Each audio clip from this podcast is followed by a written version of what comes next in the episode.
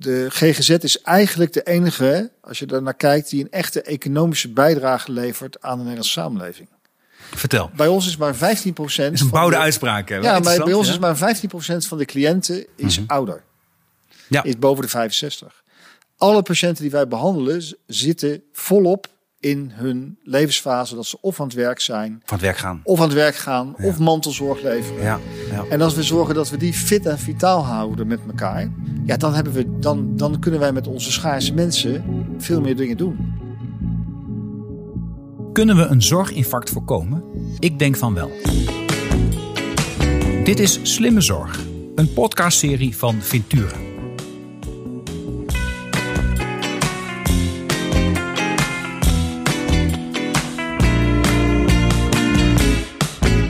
Mijn gast van vandaag is Stefan Valk.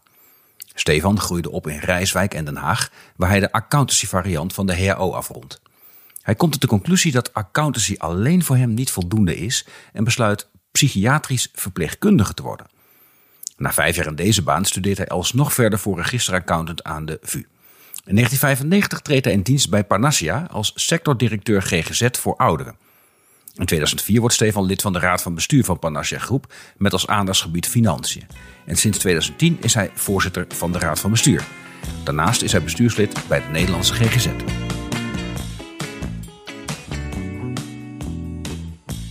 Stefan, van harte welkom bij de Slimme Zorg podcast. Het gebeurt niet vaak dat ik me met deze podcast begeef in de wereld van de GGZ. Dat is niet goed, want het is een belangrijk onderdeel van de zorg. En ook een groot onderdeel van de zorg met enorme ontwikkelingen. Nou, ik hoop het daarover met jou in gesprek te kunnen. Maar eh, ja, of we nou hebben over GGZ of wat anders. Eh, de, vraag, de eerste vraag die ik stel is altijd dezelfde. Stefan, wat is volgens jou slimme zorg? Nou, voor mij is eh, leuk trouwens om mee te doen in de podcast. Ja, dankjewel. Hartstikke goed dat je dat hebt gevraagd. Eh, nou, vanuit de Panassia groep vinden wij slimme zorg altijd de zorg die cliënten helpt om zo goed mogelijk hun eigen leven te kunnen leiden. Ja. En eh, dat is de eerste. En ten tweede is slimme zorg eigenlijk alleen maar slim als, als bijvoorbeeld verpleegkundigen het leuk vinden om dat werk te doen. Mhm. Want op het moment dat ze dat niet leuk vinden en niet bij ons willen blijven werken, kunnen wij helemaal geen zorg leveren. Nee. Dat klinkt al heel, heel, heel logisch. Ja, dat mensen hun leven kunnen leiden en de verpleegkundige moet het leuk hebben. Ja. Nou, maar heb je een heel makkelijke baan, maar dat is niet zo. Want voor mij is dat, dat, dat is echt ingewikkeld in de GGZ. Om te Ja. zorgen dat mensen weer hun eigen leven kunnen leiden. Daar eens mee beginnen. Ja. Wat, wat zijn dan de grootste uitdagingen waar je tegenaan loopt eh, als zorgverlener om dat voor elkaar te Nou krijgen? ja, als zorgverlener, kijk, het is misschien toch goed om te zeggen, eh, kijk, wij streven naar geestelijke gezondheid en eigenlijk niet naar zorg. Dus je wil proberen mensen zo goed mogelijk dat te laten doen. En in de geestelijke gezondheidszorg, niet anders dan in de somatische problemen, variëren de problemen van tamelijk licht en eenvoudig. Wat we met preventie eh, nog iets kunnen doen, of een paar lichte contacten, of tegenwoordig ook steeds meer digitaal. Ja. Dat we je op weg kunnen helpen om het weer verder te doen. Ja, en bij een deel van de mensen is het natuurlijk veel ernstiger. Hebben ze veel intensievere behandelingen nodig. Ja. En bij een heel klein deel van de mensen is het zo ernstig dat ze bijvoorbeeld tijdelijk moeten worden opgenomen. Eh, en bij een nog kleiner deel is het zo dat ze langdurig echt op onze zorg zijn aangeleverd, aan, ja, aangewezen.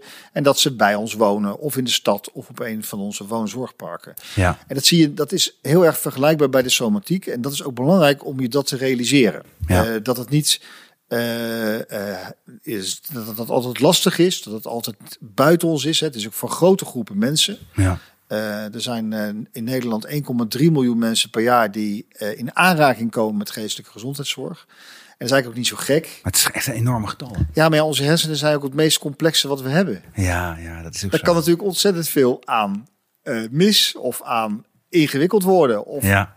lastig worden. Ja. En, en de uitdaging natuurlijk is, is dat de vraag naar hulp groter is dan de mensen die het kunnen leveren. Daarvoor hebben we wachtlijsten in de GGZ. ja. Ook, de, ook dat is niet anders dan in de somatiek. Hè? Dus- Nee, nou de wachtlijsten in de GGZ zijn hardnekkiger, denk ik soms. Ja, dat klopt. En ook anders dan in de, som- in de somatiek, als je iets heel ernstigs hebt, dan, word je, dan kun je dan naar voren worden geschoven. Ja. En in de GGZ loop je vaak het risico dat je dan misschien nog wel langer moet wachten, omdat nou ja, er werkelijk geen aanbod is te vinden soms. Nee, ja, dat is soms zo. Dat, dat ligt er wel heel erg aan in welke regio je woont. Oké. En Dat is ook lastig natuurlijk, hè, dat het daarvan afhankelijk is. Ja, Eh, ik, ik denk dat wij in staat zijn als iemand acuut iets nodig heeft, is er altijd zorg. oké. Dat is geregeld. Ja. Als jij op een wachtlijst staat en er zegt spoed, krijg je echt voorrang. Dus dat gebeurt wel. Er is soms natuurlijk, maar dat is meestal pas bij een aantal mensen die niet herstellen, dat daarna het lastig is wat het vervolg moet zijn. En daar, ja. begint, daar begint vaak het probleem. Kunnen we dan een goede plek voor je vinden? Kunnen we voldoende begeleiding voor je vinden? Ja. Eh, daar, zit, daar zit veel van de, eh, eh, van, de, van, de moeilijke, van de moeilijke zaken. En aan de voorkant hebben we te veel vraag. En daarvoor zijn wij we zijn heel actief bezig geweest, ook met het Integraal Zorgakkoord. Ja. Ik vind het echt leuk hoe breed dat is geschreven. Dat is natuurlijk ook lastig, want we moeten het met elkaar gaan doen. ja, maar wel voor het eerst inderdaad dat je niet een apart hokje hebt om de huisartsenzorg, om de GGZ. Precies. En het is integraal. Het is integraal. En dat wordt natuurlijk heel lastig. En het is heel goed dat het regionaal is.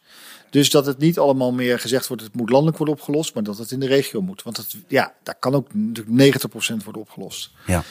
En eh, ja, ik hoop dat we in staat zijn door daar een paar simpele dingen te doen, die het simpel kan zeggen, maar moeilijk zijn uit te voeren. Ja, dat je probeert met de beperkte mensen die we de komende jaren hebben, want de arbeidsmarkt, het behoud van collega's is eigenlijk de grootste zorg. Ja. Hoe houden we mensen vitaal en behouden?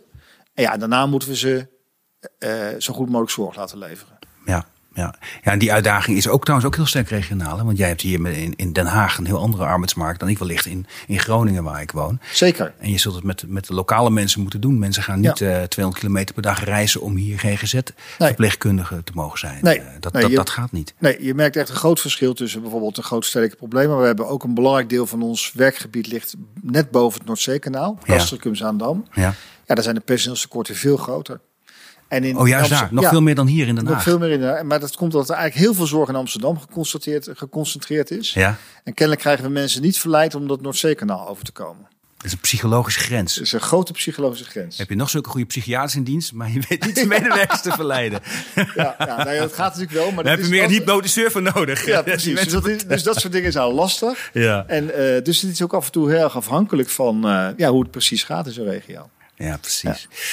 Nou, maar enorme uitdagingen dus. En, en, en die tegen, en in, binnen die GGZ. Uh, en tegelijkertijd zijn die uitdagingen heel vergelijkbaar met datgene wat je in de somatische zorg ziet. Zeker. Grote zorgen over personeelsbestand. Ja. Uh, de problematiek dat je mensen die je in zorg hebt en die niet verbeteren of onvoldoende verbeteren ergens een plek wil geven. Dat is in de somatische zorg natuurlijk niet anders. Nee, name bij anders. ouderen. Hè. Ja. Geef die maar eens een plek in een verpleeghuis. Ja. En, en, en als ze dat al willen. Uh, Ja. Of terug naar huis, wat ook in de GGZ een groot thema is. Maar dat kan ook niet zonder begeleiding. We hebben dat in place. Dus die puzzel moet je continu zien te leggen met elkaar. Ja, al is de GGZ denk ik echt anders dan de somatiek. Hè? Het is goed om te realiseren dat het gros van de problemen, van de psychische problemen, ontstaan ergens tussen je 16e en 22e levensjaar. Dus we zijn eigenlijk de enige sector, dan is de somatiek eigenlijk nog helemaal niet in beeld bij de Nee. gemiddelde Nederlander. Dus in je adolescentenperiode. Ja, dan, dan raken mensen kans op verslaving. Dan komen eerste depressies, dan komen psychoses naar voren. Mhm.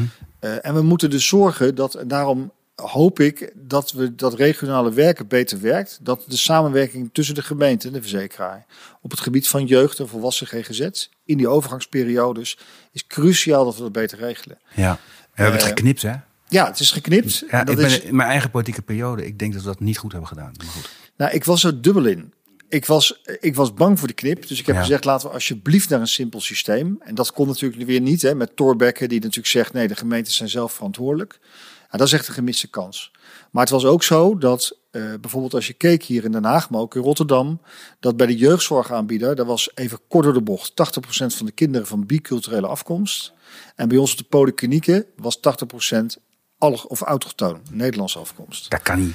En die Dat is problemen, onmogelijk, ja. dat is onmogelijk. Dus Ja. de toegang in Nederland is gewoon niet goed geregeld. En daarvoor waren wij, ondanks deze problemen, eigenlijk toch voorstander dat het overging.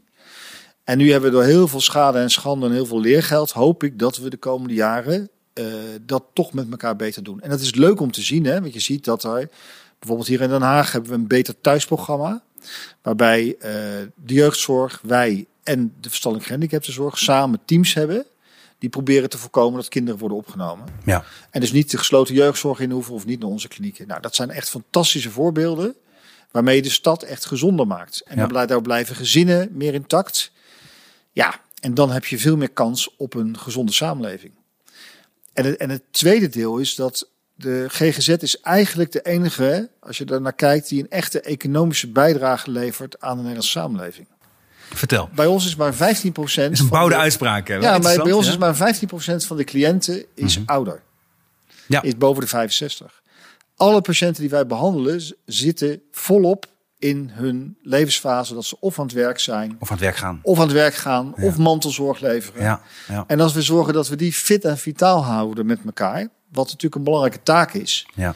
ja, dan, hebben we, dan, dan kunnen wij met onze schaarse mensen veel meer dingen doen. Ja, interessant. Ja, daar heb je wel gelijk in. En we worden natuurlijk als kostenpost gezien. ja, is ook zo. maar Kost ook wel een patiënten. Het kost per Maar dan heb je maar wat. opbrengst, en zeker de opbrengst in, eh, in andere gebieden die natuurlijk niet op de begroting staan van VWS, of niet in de zorgkostenpremie zitten, ja, die zijn er echt.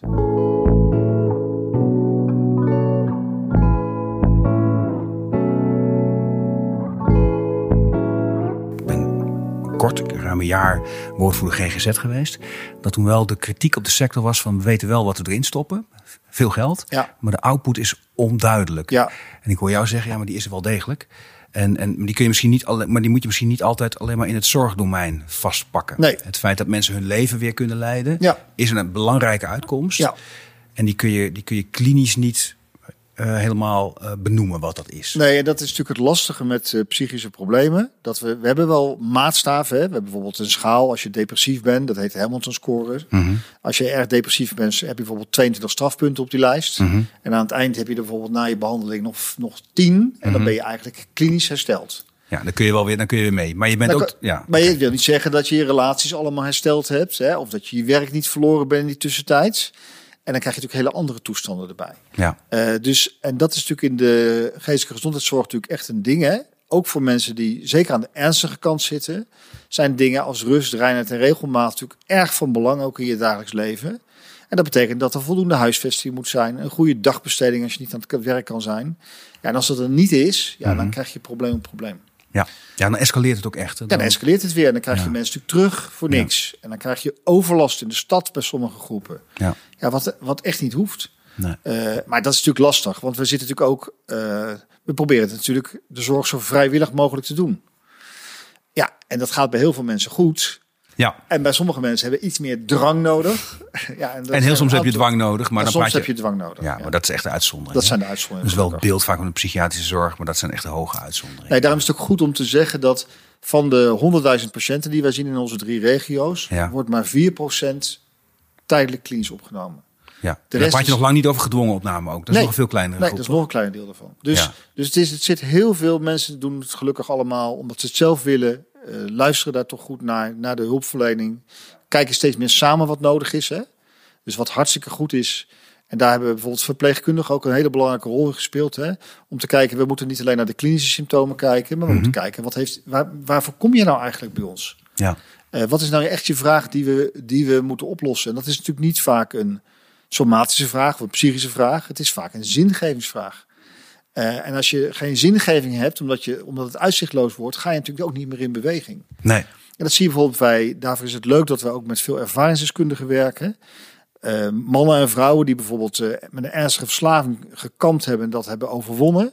Ja, die, zijn natuurlijk, die zijn natuurlijk fantastische voorbeelden voor mensen die kampen met verslavingszorg. Ja, die zien dit voorbeeld van wat het kan worden, maar die hebben dan ook een gesprekspartner die werkelijk snapt hoe iemand Precies, dus als jij Ze- komt. de realiteit beleeft elke dag. Ja, eh, en je hebt een jonge hulpverlener en een, en een ervaringsdeskundige. En Mhm. eh, ja, die, die trapt natuurlijk niet in al die dingen. En die, is- dat, nou, we hebben wel eens een keer zo'n rollenspel gedaan. Dat vond ik echt ook heel interessant als bestuurder. Mhm. En die zei tegen mij, ja, je bent niet helemaal eerlijk. En als je niet helemaal eerlijk bent, Stefan, Mhm. dan eh, kom je nooit tot verandering. En dat gaat natuurlijk in die gesprekken ook. Want dan Ja. komt iemand zeggen, nou, ik ben wel verslaafd, maar het valt wel mee. En Ja. dan Dat vinden ja, ook verslaafden. Dat, dat zei ik natuurlijk ook. Ja. Maar het was natuurlijk veel erger dan dat je wil toegeven. Dus openheid over psychische problemen, het stigma is natuurlijk groter op, is natuurlijk ontzettend van belang. Het moet normaal zijn. En dat valt niet mee, hè? dat valt ook in onze organisatie niet mee. Dan wil je natuurlijk van, je bent van de geestelijke gezondheid, dus je hoopt dat het bij ons zo normaal is dat je erover kan praten. We hebben gelukkig wel een heel aantal hulpverleners die er ook zelf voor uitkomen, waar het bekend van is. Maar ook bij ons zit stigma op een aantal plekken nog steeds. Ja, je, bent, dan, je krijgt uiteindelijk het stikken dat je niet goed bent in je hoofd. Dat klinkt niet lekker natuurlijk. Nee, dat is niet. Nee. Dat is, ja, en we, kijk, het grappige natuurlijk is dat eh, we vinden het heel normaal dat we diabetes hebben of andere chronische aandoeningen. Ja. eh, en in ons hoofd. En, wil niet, ze- en het grappige natuurlijk is, is dat al heb je iets in je hoofd, zeg maar, als je het zo wil formuleren, zitten er ook heel veel goede dingen in je hoofd. Zeker. Je bent gewoon een mens met allemaal fantastische ideeën. Ja. Ja, en daar is ook een leuk voorbeeld van. Eh, dat is dat we hebben een afdeling ADHD. Mhm. dat, is een, dat is een gerenommeerde afdeling die mensen met ADHD goed behandelt. Maar er was een, een man daar, eh, die werd behandeld voor zijn ADHD. En, maar die was ook internet, die was ook ondernemer. Ja. Die heeft daarna tegen de, tegen de eh, psychiater gezegd... Goh, ja, je hebt me wel goed behandeld, maar toch wist jij eigenlijk niet zo goed wat ik had. Hm. Jij hebt mijn, mijn concentratie overschat, ja, jij. Hm. En die zijn samen aan de gang gegaan. Die hebben een app gemaakt. Dat heet Superbrains. Dat is hartstikke leuk. Die kan je gewoon downloaden in de webshop. En die helpt je eigenlijk met je dagritme. Want Hmm. hij zei, ik kom 's ochtends niet eens toe om mijn tanden te poetsen. En hij heeft gewoon een Dat bedrijf. was je al afgeleid weer? Of wat is Ja, dat is heel afgeleid. Dus je bent, en, en het leuke is, dat hebben we natuurlijk allemaal dat we afgeleid worden. Dus Ja. het ding is, hebben we nu geprobeerd wat breder te formuleren, ook voor meer doelgroepen. En Mhm. dit is wat we nu bijvoorbeeld geven aan mensen die bij ons voor de wachtlijst worden aangemeld. Mhm. Die krijgen vast die app Ja. en die kunnen daar gewoon thuis mee aan de slag. ja. En ik hoop eigenlijk, ik heb hem zelf ook op mijn, op mijn iPhone staan. Ik ga dat zo ook doen. ben- Superbrains. Ja. Superbrains, ja. Ik, kan ook, ik heb ook moeite om er tot dingen te zetten soms. En, Ja, nou, ja. Dan, helpt misschien dit wel. Het helpt wel. En het is leuk, het is heel erg eh, op gaming gedreven. Hè? Dus je kan echt punten scoren.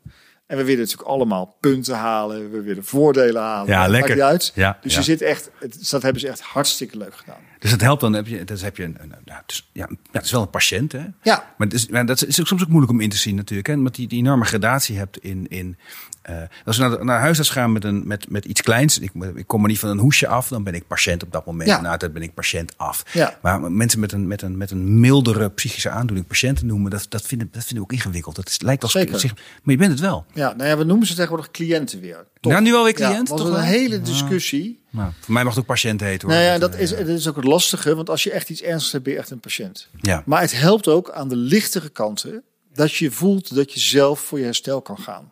En dan hoef je niet direct een patiënt te zijn.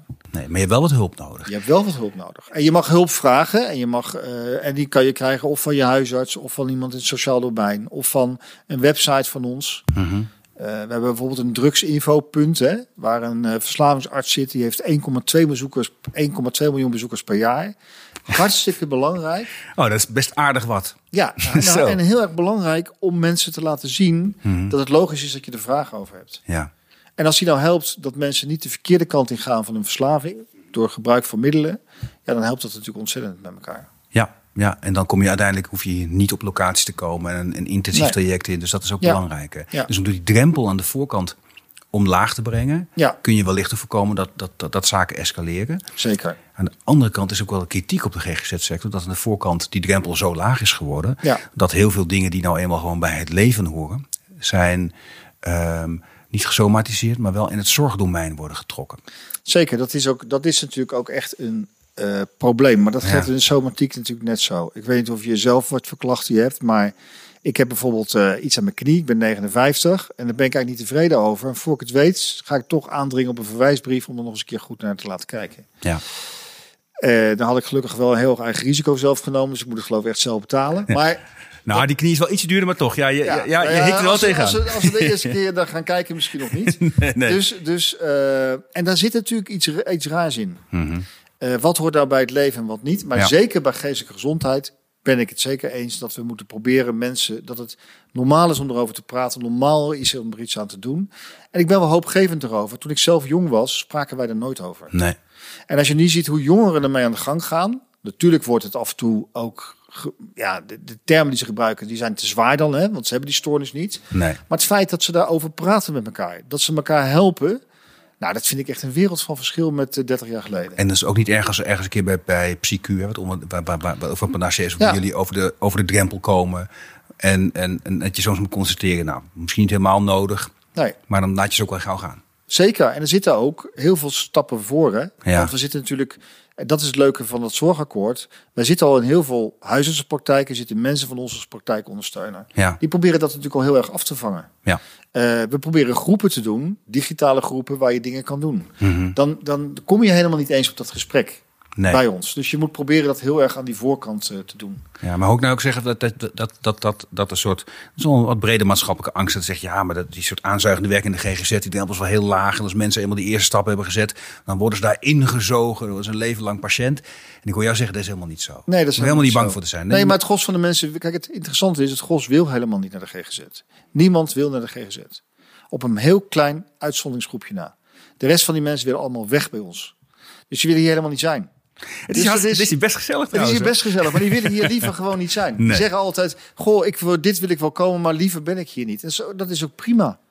En natuurlijk moeten we daar wel naar kijken. En daarom is het ook heel goed dat we in, de, in dat zorgakkoord zeggen... het is belangrijk om te kijken wat de cruciale zorg is. Hè? Ja. Wat zijn de essentiële voorzieningen in een regio? Ja, Waar we voor moeten zorgen dat er voldoende verpleegkundigen zijn en verzorgenden zijn die daar willen werken. ja, Want als, als je dat niet hebt, dan stort je hele zorg in elkaar. Samen met de behandelaar natuurlijk. Hè? Maar onze woonvoorzieningen, onze klinieken, die draaien natuurlijk voor een belangrijk deel op verpleegkundigen en een verzorgende. Ehm, en, dat moet een inspirerende werkomgeving zijn. ja. Als we dat namelijk niet hebben als backbone erachter, dan wordt het natuurlijk niks. Nee. Het, het tweede is nog dat we natuurlijk moeten proberen om in die huisartsenpraktijken te zitten. Er zitten ook trouwens veel verpleegkundigen, sociaal-psychiatrische verpleegkundigen. Ja, In de, in de wijkteams zitten we natuurlijk veel. Hè? Bij de gemeente lopen we rond in de wijken. Ja. Dat zijn ook veel verpleegkundigen. Mhm. Eh, ja, die zijn. eh, het is belangrijk dat die mensen eh, de ruimte krijgen, het leiderschap krijgen om met elkaar dat daar goed te kunnen doen. Als we dat niet voor elkaar houden eh, in, de, in de cruciale structuur, omdat als dat niet interessant genoeg is en niet voldoende betaald wordt, Ja. ja, dan, dan wordt het heel ingewikkeld, want dan loopt het hele systeem vast.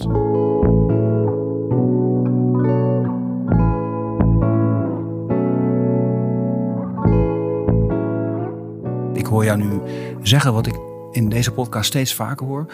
Dat er die kurk waar de zorg op draait, dat zijn verpleegkundigen. Ja, Dus ook in de GGZ. Ja. En, die, en die verpleegkundigen ook. Het is belangrijk dat die een breed werkterrein hebben. We hebben heel lang gedacht, moeten verpleegkundigen heel erg laten specialiseren. Ja. En soms is dat ook... Als je, Zeker. Een IC-verpleegkundige moet goed gespecialiseerd zijn. En ook een, en, en, en, en, en, een, en een psychiatrisch verpleegkundige moet natuurlijk veel weten van psychiatrie. Maar die breedheid zit ook in de verantwoordelijkheid die je draagt. De ruimte die je zelf hebt om je werk te organiseren. Om interventies te plegen. Dat je niet altijd hoeft te vragen aan, aan, iemand anders van... God, doen we dit wel, doen we dit niet. Dat soort zaken. Dat is dus echt cruciaal om die zorg overeind te houden. Ook de GGZ-zorg. En ik hoorde jou het helemaal in het begin ook al zeggen bij slimme zorg. Slimme zorg is zorg die voor verpleegkundigen prettig is om te geven waar je graag bij wil werken. ja. Wat doe je daaraan in de praktijk? Nou ja, dat, is, dat lijkt me een enorme uitdaging. Dat is, dat is echt ook een hele grote uitdaging. En we proberen daar een aantal dingen in te doen. We proberen de, de zeggenschap te vergroten. We proberen die groep te empoweren. Ik ben zelf verpleegkundige hè, van Ja. origine. Oké, dat helpt misschien dat je daarom ook. Dat helpt, dat Ja. helpt hè. Al zien mensen dat natuurlijk niet. Dus ik moet dat vaak vertellen. Je moet vaker de, de witte jas, maar jouw verpleegkundigen lopen ook niet in een witte jas. Nee, het is hier geen ziek, het is hier geen, Je- geen eh, somatisch ziekenhuis. Nee. Je heet hier allemaal dokter hè, voor een patiënt. Ja, Eh, maar, nog, maar de, ehm, eh, kijk, we, we proberen het het eerste te doen om te zeggen: een afdeling moet veel zeggenschap hebben. Dus het team waarin je werkt, dat is natuurlijk hetgene waar je als eerste in, ver- in verbindt. Daar proberen we dat het management van die afdeling, wat bij ons al duaal is, hè, dus altijd een inhoudelijke en vaak een verpleegkundige die de organisatie doet, Mhm. om samen met het team te kijken wat drijft ons hier nou en wat hebben wij nodig aan ruimte en aan dingen om te doen. Dat is het allerbelangrijkste. Het tweede is dat het in de leidinggevende structuur duidelijk zichtbaar moet zijn. Mhm. Dus wij, de 65% van onze leidinggevende bedrijfsvoering, hè, organisatie bedrijfsvoering, zijn verpleegkundigen. Oké, En we dat, zijn, al dat en we, zijn een, Ja. we zijn een tijdje bezig al om te zorgen dat, dat, dat, ze die, dat die mensen zich weer zichtbaarder maken. Dat is een beetje weggedreven. Te laten zien, hé, hey, ik schrijf ook onder mijn naam. Ik ben verpleegkundige. Ik moet wel keurig achter schrijven, niet praktiserend. Hè? Anders eh, heb ik een bigprobleem. Maar eh, het moet, je, Ja. moet je moet je daarop op laten voorstaan. Net als dat onze managers zorg zeggen altijd... ik ben psychiater en manager zorg. Ja. Of ik ben klinisch psycholoog en ik ben manager zorg. En die leidinggever moet zeggen... ik ben verpleegkundige en manager hier van deze afdeling. Ja. Dus dat is een tweede ding. Het derde ding is dat, het, eh, dat we onze staven, onze verpleegkundige staven, de medische staf, de psychologische staf, veel meer in het beleid betrekken. Ja. Eh, en de laatste is denk ik dat, dat er, het ook fijn is dat er heel veel differentiatie en beroepsmogelijkheden zijn voor verpleegkundigen. Zowel horizontaal, hè, in de breedte van het vak, als in de specialisatie van het vak. Want het is ook leuk dat wij, we hebben aangedurfd nu, eh, dat, dat vonden we echt aandurven, daar liepen we een beetje achter. Maar een van onze directeuren op een, woonaf, op een woonsector is nu Mhm. een verpleegkundig specialist. Ja. Dus we hebben gelukkig ook nou, ongeveer 250 spe verpleegkundige specialisten. Die, eh, ja, die echt steeds meer een duidelijke rol in de behandelingen krijgen. En we hebben een voordeel als GGZ. Omdat eh, de regiebehandelaar, hè, dus de, de hoofdbehandelaar zeg Ja. maar.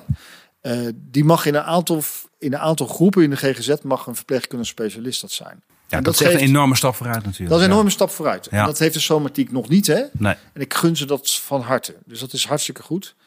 Maar je moet ook zorgen dat het niet alleen over die verpleegkundige specialisten gaat. Want het gaat juist ook over de verpleegkundige die gewoon op de acute opnameafdeling met zijn team daar wil staan. Ja, zeker. Eh, of de verpleegkundige die zegt, joh, laat mij maar een project doen voor de gemeente Den Haag achter de voordeur.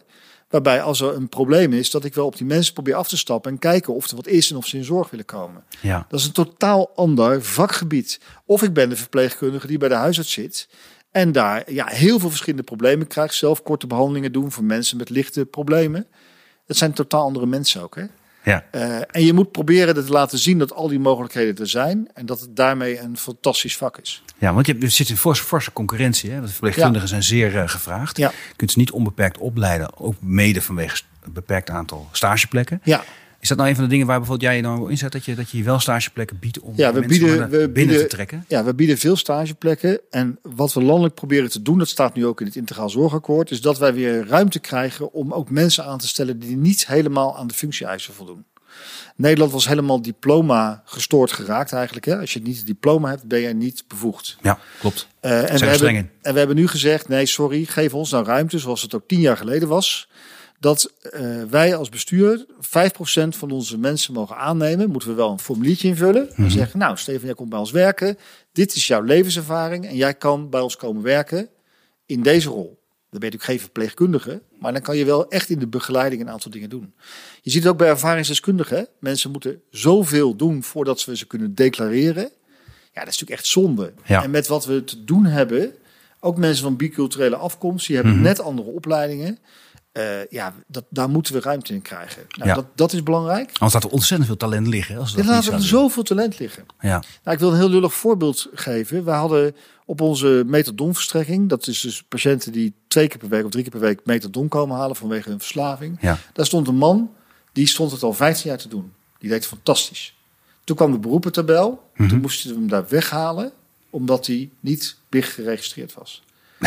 en dit was Ja. echt, en dat konden we niet voorkomen. Dus die man werkt nu in een, in een project in de gemeente en dan mag het wel. Nou, dat slaat natuurlijk nergens op. Dus Want nu heeft hij geen medische titel meer, maar dan heet het hulpverlening. en de, de hoor. gemeente heeft die eisen niet. Dus in de zorgverzekeringswet staat die eis. Ah, ja. En in de dingen Ja. niet. Dus je moet het ook niet loslaten. Maar we hebben, je moet vertrouwen teruggeven in het systeem. We hebben ook horizontaal toezicht afgesproken met verzekeraars. Geef ons dan vertrouwen. Laat ons verantwoording afleggen hoe dat zit. En stop met die. Nou ja, ik ben natuurlijk een, ik ben ook een accountant. Hè. Ik ben heel erg van de 80-20 regel. Je moet, je, natuurlijk hebben we regels nodig, maar het is voor 80% van de gevallen. Ja. En 20% Maar- van de gevallen moet je ruimte geven Ja. om goede oplossingen te kunnen maken. Ja, dan zeg je dat. En, en die ruimte heb je dus weten af te spreken. Je zegt, ik vul een formuliertje in. Nou, die gaan we nu afspreken. Want die, die had ik mooi. met één verzekeraar geregeld. Mhm. Eh, en de rest wilde het niet. Hè. Vond het lastig. En nu staat het in het integraal zorgakkoord dat volgend jaar dit geregeld moet zijn. Nou, daar gaan we heel hard op duwen dat we dat voor elkaar krijgen. Interessant. Ja, verzekeraars voelen zich best vrij in hun beleid, totdat het de letter van de zorgverzekeringswet Zeker. raakt. En dat, dat is een modus lastig. operandi. Dat is echt ingewikkeld, ja. En, eh, te- en, en dan helpt het na zo'n integraal zorgakkoord. Of anders dat je de wet aanpast. Maar wetaanpassing is echt ingewikkeld als je helemaal begint te morrelen aan de zorgverzekeringswet. Nou ja, dit eh, hoeft niet in de wet. Hè. Dit kan- is de regelgeving van de Nederlandse Zorgautoriteit. Dus die zou dit tamelijk makkelijk kunnen opschrijven. Maar die vindt dat ook lastig. Maar goed, we hebben het met elkaar nu voor elkaar. Dat na heel veel gedoe dat het erin staat. Ja. Dus nu moet het gewoon even gebeuren. Ja, en, en, en, ik weet niet precies wat er gebeurt, maar als ik jou zo hoor, dat betekent het feit dat jij moet kunnen verklaren en uitleggen wat iemand doet en dat dat verantwoord is. Ja, dus dat 95% van de collega's gewoon diploma's hebben. Mhm. Ja. En dat bij tot 5% ik zelf mag bepalen, om, eh, gezien hebben zijn levenservaring en zijn andere werkervaring, of die op een afdeling een bepaalde functie kan vervullen. En die wordt natuurlijk nooit eindverantwoordelijk. En als die, die gaat natuurlijk niet de medicatie delen. Maar er zijn heel veel ander werk wat natuurlijk prima gedaan kan worden. En natuurlijk is het leuk als iemand dan landt, dat hij daarna weer een opleiding gaat volgen. Ja, die zou als, als dogverpleegkundige eventueel kunnen worden dan. Bijvoorbeeld. Maar Ja. sorry, er zijn ook een paar mensen met zoveel dyslexie, die Ja. komen daar niet. Nee. nee. En dat zijn fantastische mensen die heel goed werk kunnen doen. Ja, ja. Ja. Eh, en dan zeggen wij, nou, daar komt u niet. Dus, dat, dus, nou, dus een beetje ruimte met elkaar, vertrouwen in het systeem. En natuurlijk het wel regelen. Eh, je moet het wel ergens opschrijven. Het moet niet aan, de, aan de wereld worden overgelaten. Nou ja, en, de grote, en de laatste grote zorg is natuurlijk toch of wij eh, voldoende salarissen kunnen betalen voor onze collega's. De CO's moeten natuurlijk open, ook in de GGZ. ja, en dus moet jouw vergoeding ook omhoog. hè. Dat is, dat is een hele zorg op dit moment Ja. natuurlijk op dit moment een enorme uitdaging. Ik was gisteren bij een bijeenkomst van, van de zorgverzekeraar. En zij zien het ook. Hè. Ze zeggen, ja, die, die salarissen gaan enorm hoog, 10, 11 procent. Eh, dat zal niet al, elk jaar weer gebeuren, maar toch, het gaat zeker gebeuren. Ja, en dat gaan we voelen met elkaar volgend jaar in de premie. De enige manier om Natuurlijk. dat, en, dat, en, dan, en dan wordt iedereen weer boos op de verzekeraar. Maar het is de enige plek waar dat geld vandaan komt. Nee, dat kan ook niet anders. En ik Ja. denk dat. en dat moeten we iedereen- denk maatschappelijk toch wel over gaan hebben. Ja, en iedereen heeft het volgens mij redelijk goed gedaan. Hè? Dus, dus Ja. het gros van de loonstijging zit in 24. Ja. Dus verzekeraars kunnen ook rekening daarmee houden in een premieberekening. En ze moeten het ook doen. Hè? Anders, anders hebben we gewoon geen mensen in de zorg. Nee. Ik vind ook dat de meeste cao's echt wel goede afspraken hebben gedaan. Hè? Dat is vooral goed gekeken naar de groepen die het meest kwetsbaar zijn door deze hoge inflatie. hè. Ja.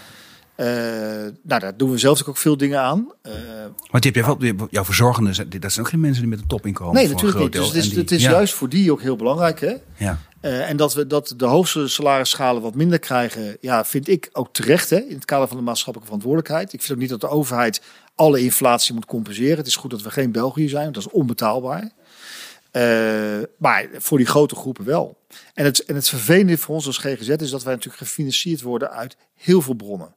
Dus we hebben een grote kans als de verzekeraars dit vinden. Het is leuk als jij het hoort. Mhm. En zij gaan het in een premiestijging meenemen, dan is dat geregeld. ja, maar daar ben je met de gemeente er nog niet uit. Nee, En, maar eh, bijvoorbeeld nee. de wet langdurige zorg. Ja, Eh, we hebben Zorgkantoren, natuurlijk- ja, ja, we hebben natuurlijk een minister die het zorgkantoor heeft ondertekend. En die zegt, de OVA moet worden doorgegeven in de tarieven. En diezelfde minister kondigt 1% bezuiniging af. ja, dat is ingewikkeld. Ja. Dat gaat niet, hè? Nee, want OVA is ook de, de, de, de Dat is, kosten sorry, voor dat, de is de, arbeids... dat is de vergoeding voor de stijging van de arbeidsvoorwaarden. Die komt in het tarief erbij. En er staat in, er staat in het integraal zorgakkoord... je kan niet zomaar een doelmatigheidskorting afkondigen. En wat doet onze minister, die ik trouwens voor de rest een prima minister vind. Maar dit kan gewoon niet. Je kan niet zeggen, dan haal ik er 1% vanaf. Dat kan wel, dan moet je zeggen, ik beperk de toegang. Ik vind dat je te veel doet. Je moet het met minder mensen doen. Kan allemaal, maar dan moeten we het daarover hebben. Klinkt als een politieke noodgreep eh, in eh, financieel moeilijke tijden. Maar dat heeft wel consequenties. Hè? Heeft heel veel consequenties. Nou, dan hebben we het Ja. ministerie van Justitie die het nu moet betalen. Over forensische zorg doe je. Forensische zorg. Ja, En dan hebben we natuurlijk de gemeentes. En dat Ja. is natuurlijk een melee aan jeugdcontracten, aan WMO-contracten. Nou, en dan zien we de eerste gemeentes. Er zijn natuurlijk gemeentes die het heel goed doen, die gewoon die, dat bedrag echt doorstorten omdat ze het belangrijk vinden. Er zijn ook gemeentes die dat niet doen. Ja, daar zullen we snoeihard tegenop moeten treden. Maar ik hoop maar, omdat de VNG het ook heeft ondertekend, dat ze zien dat dat niet de weg is. nee. Wat een lastige positie heb jij als GGZ-bestuurder inderdaad. Als gemiddelde ziekenhuisbestuurder heb je wel te onderhandelen met verzekeraars. Maar dat is het dan ook. Dan is het dan ook weer klaar. ja, ja. ja. Jij zit hier continu met verschillende partijen. En, Ja, ik heb er wel eens een beetje negatief over gedacht dat het politiek heel goed geslaagd is om de GGZ de kop om te draaien. Nou, dat is nooit de bedoeling geweest. Nee. Maar dat lijkt de haast wel de uitkomst dat het zo ingewikkeld is Ja. om continu alles bij elkaar te brengen. Nou ja, daarvoor, daarvoor hoop ik dat we. Kijk, wat slimme zorg zou zijn. Hè? Dus, eh, dus ik heb altijd gezegd: schaf die marktwerking weer voor een belangrijk deel af. Mhm. En ik ben blij dat we eh, terug zijn. En ik vind niet dat we. We moeten hard vergelijken. Hè? Mhm. Maar wat bijvoorbeeld eh, Denemarken zo ontzettend goed doet, die heeft die marktwerking afgeschaft. Er zijn provinciale plannen. En die provincies worden snoeihard vergeleken met elkaar. Dus dan staat er in een provinciaal plan van de ene provincie staat, dit zijn innovaties. Als die daar goed lukken, moet de rest het verplicht overnemen. Ja. Nou, dat zou een manier kunnen zijn dat je en toch marktwerking houdt hè, op de een of andere manier. Maar wel veel meer in samenhang. En wat ik goed vind in het, in het ISA staat er nu bijvoorbeeld voor de GGZ. We gaan vaststellen wat de cruciale zorg is. Dat moet eigenlijk non-concurrentieel worden ingekocht. Dat vinden verzekeraars heel ingewikkeld. Maar dat staat er wel. Maar dan praat je over de crisiszorg en dat soort De crisiszorg, de acute opnameafdeling, onze wijkteams die in de thuiszorg lopen. Daar is er maar één van in de regio. Hè? Eh, en er is natuurlijk, dat is een groep. Hè? Dus het zit vooral op de ernstige psychiatrische aandoeningen op delen van de jeugd. Maar je hebt ook een groep, de common mental disorders, de veel voorkomende stoornissen zoals depressie en angst. Ja. Ja, er zijn gewoon meerdere aanbieders in een stad. Hartstikke goed dat jij met een depressie kan kiezen tussen verschillende aanbieders. Ja. Eh, voor een eerste depressie, hè? Als jij eh, het zo erg hebt dat, er, ja, dat, het, dat het helemaal niet meer gaat, dan zie je ze toch eigenlijk altijd naar ons toe komen. Maar daarvoor is dat prima. Ja, dan kan die marktwerking natuurlijk prima zijn werk blijven doen. Nee, dat is, dat is een beetje het punt inderdaad. Hè? Want ehm, bij, bij, bij, bij het afschaffen van marktwerking verlies je ook een heleboel keuzevrijheid. En bij Ja. de mildere vormen van zorg is die gewoon heel erg de moeite waard. Ja. Marktwerking is ook niet absoluut. Hè? We hebben geen concurrerende huisartsen, ook al Nee, zijn we ondernemers. En, ehm, en je ziet ook nu ten aanzien van bijvoorbeeld acute zorg... dat de stemmen steeds meer opgaan, ook in de somatische Ja. zorg. Dat je zegt, joh, haal dat nou gewoon uit de concurrentie. In de praktijk Wordt ook helemaal niet concurrerend op ingekocht. Wordt al Nee. samengewerkt.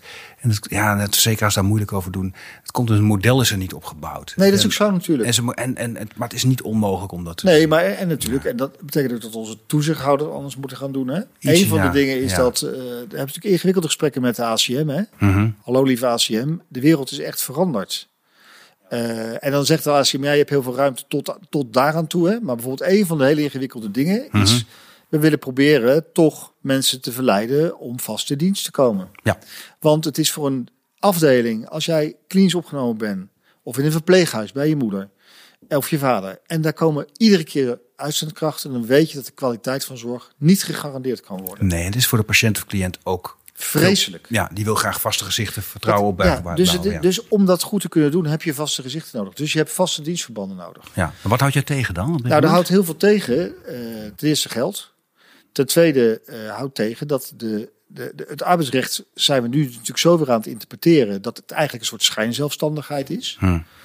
Eh, maar eh, ik kan me nog herinneren dat ik zelf als leerlingverpleegkundige bij ging klussen in Den Haag.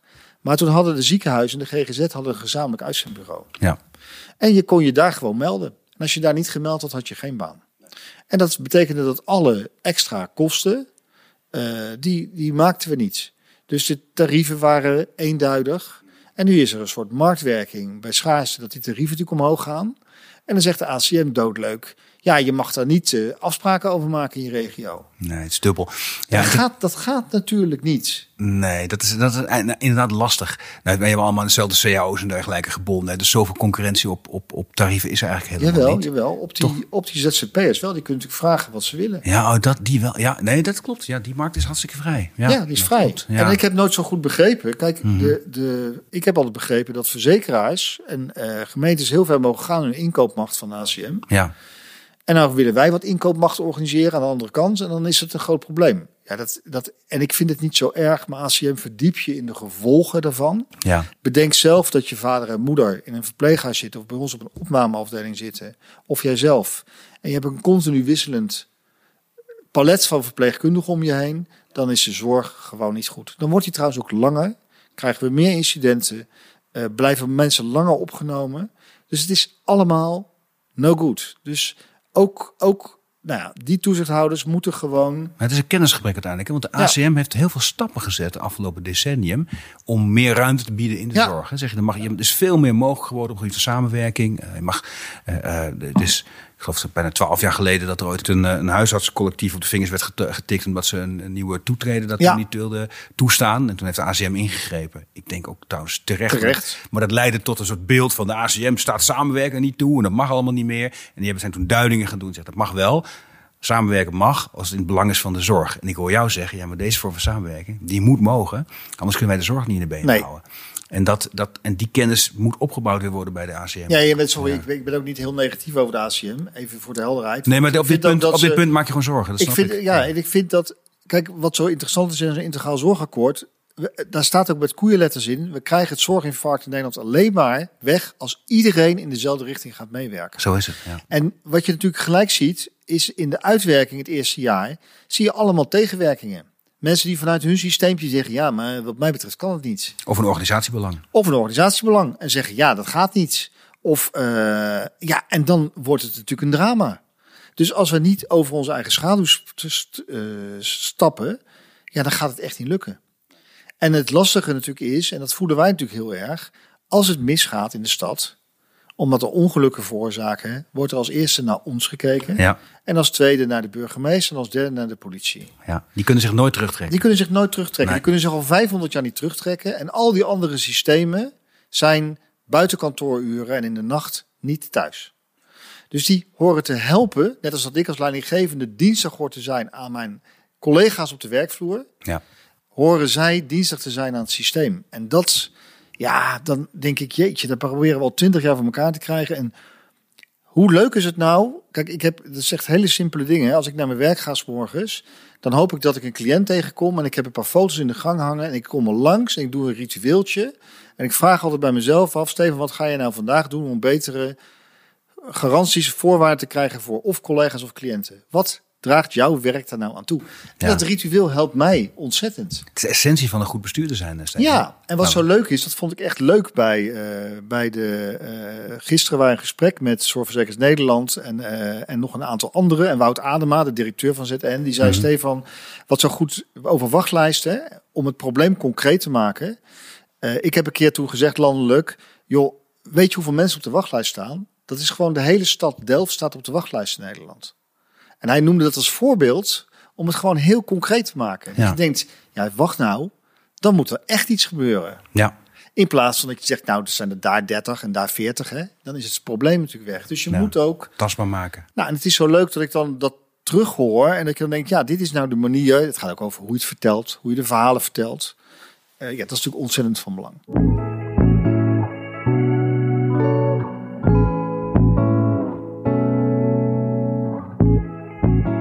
Het over dat eigen belang. Hè? En, en, en ik kan me voorstellen, want Panassia is echt een grote club. Ja, Ik, eh, ik hoor je net op de wandelgangen. In totaal werken hier zo'n 14.000 mensen. Klopt Ja, dat? ja. Dus dat, dan, dat, dat, dus dat tussen aanhalingstekens eigen belang van Panassia. Dat gaat ook echt alleen al voor jouw medewerkers over een heel groot belang. Als je werkgever bent, 14.000 mensen. En dat maakt volgens mij voor jou ook wel eens ingewikkeld om een beslissing te moeten nemen. Waarvan je denkt van ja, misschien is het goed voor het algemene. Maar, maar misschien wat minder voor mijn eigen organisatie. dat is wel- Hoe ga je daarmee om? nou, dat is nog nooit een probleem geweest. Oké. Omdat we, kijk, we kampen gewoon met schaarste. Dus eh, daar is geen belang.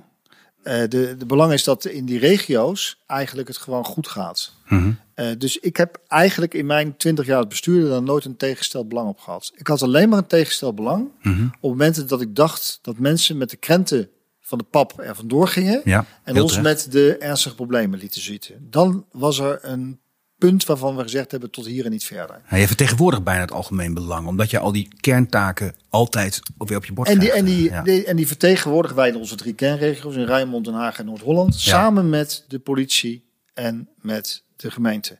Want die kunnen geen kant op. En die zijn samen verantwoordelijk voor de veiligheid van hun burgers. En daar hebben wij natuurlijk al honderden jaren een hele belangrijke taak in.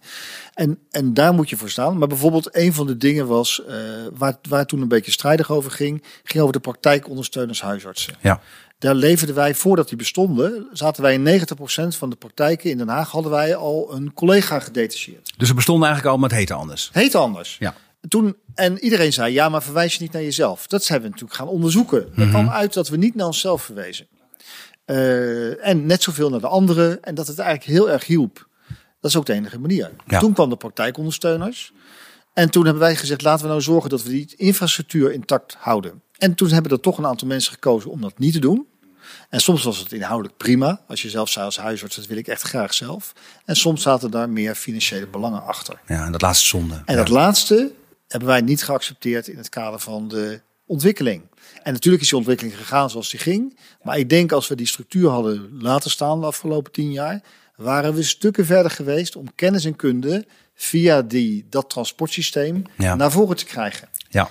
Eh, en dan kan die huisarts met heel veel steun van ons zijn werk ook beter doen. Dus ik hoop dat we dat. eh, en, en, en daar zijn we altijd heel fel op geweest.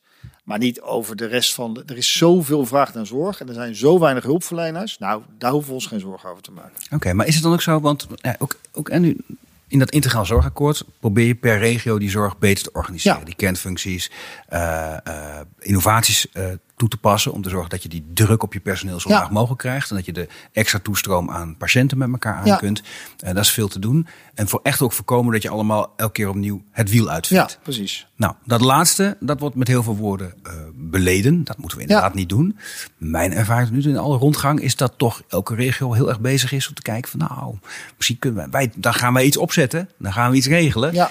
En daar hoor ik toch heel veel dingen van. Ik denk, ja, dat gebeurt elders ook. Nee, maar dat, is natuurlijk, dat klopt. Hè? En, Hmm. kijk, en dat is het voordeel van ons als Panassia Groep. Dat lukt trouwens ook niet heel, heel erg goed altijd. Hè? Maar in een aantal gevallen wel. Dan leert Rotterdam echt van Den Haag en vice versa. Hè? Dus Mhm. we proberen natuurlijk horizontaal over die regio's veel van elkaar te leren. Mhm. En we zijn ook een actief lid van de Nederlandse GGZ. En we hebben gezegd, het gaat over kennis delen. Dus we doen ook al onze e-health programma's samen met anderen. Je moet zorgen dat je dat van elkaar overneemt. Anders slaat het echt nergens op.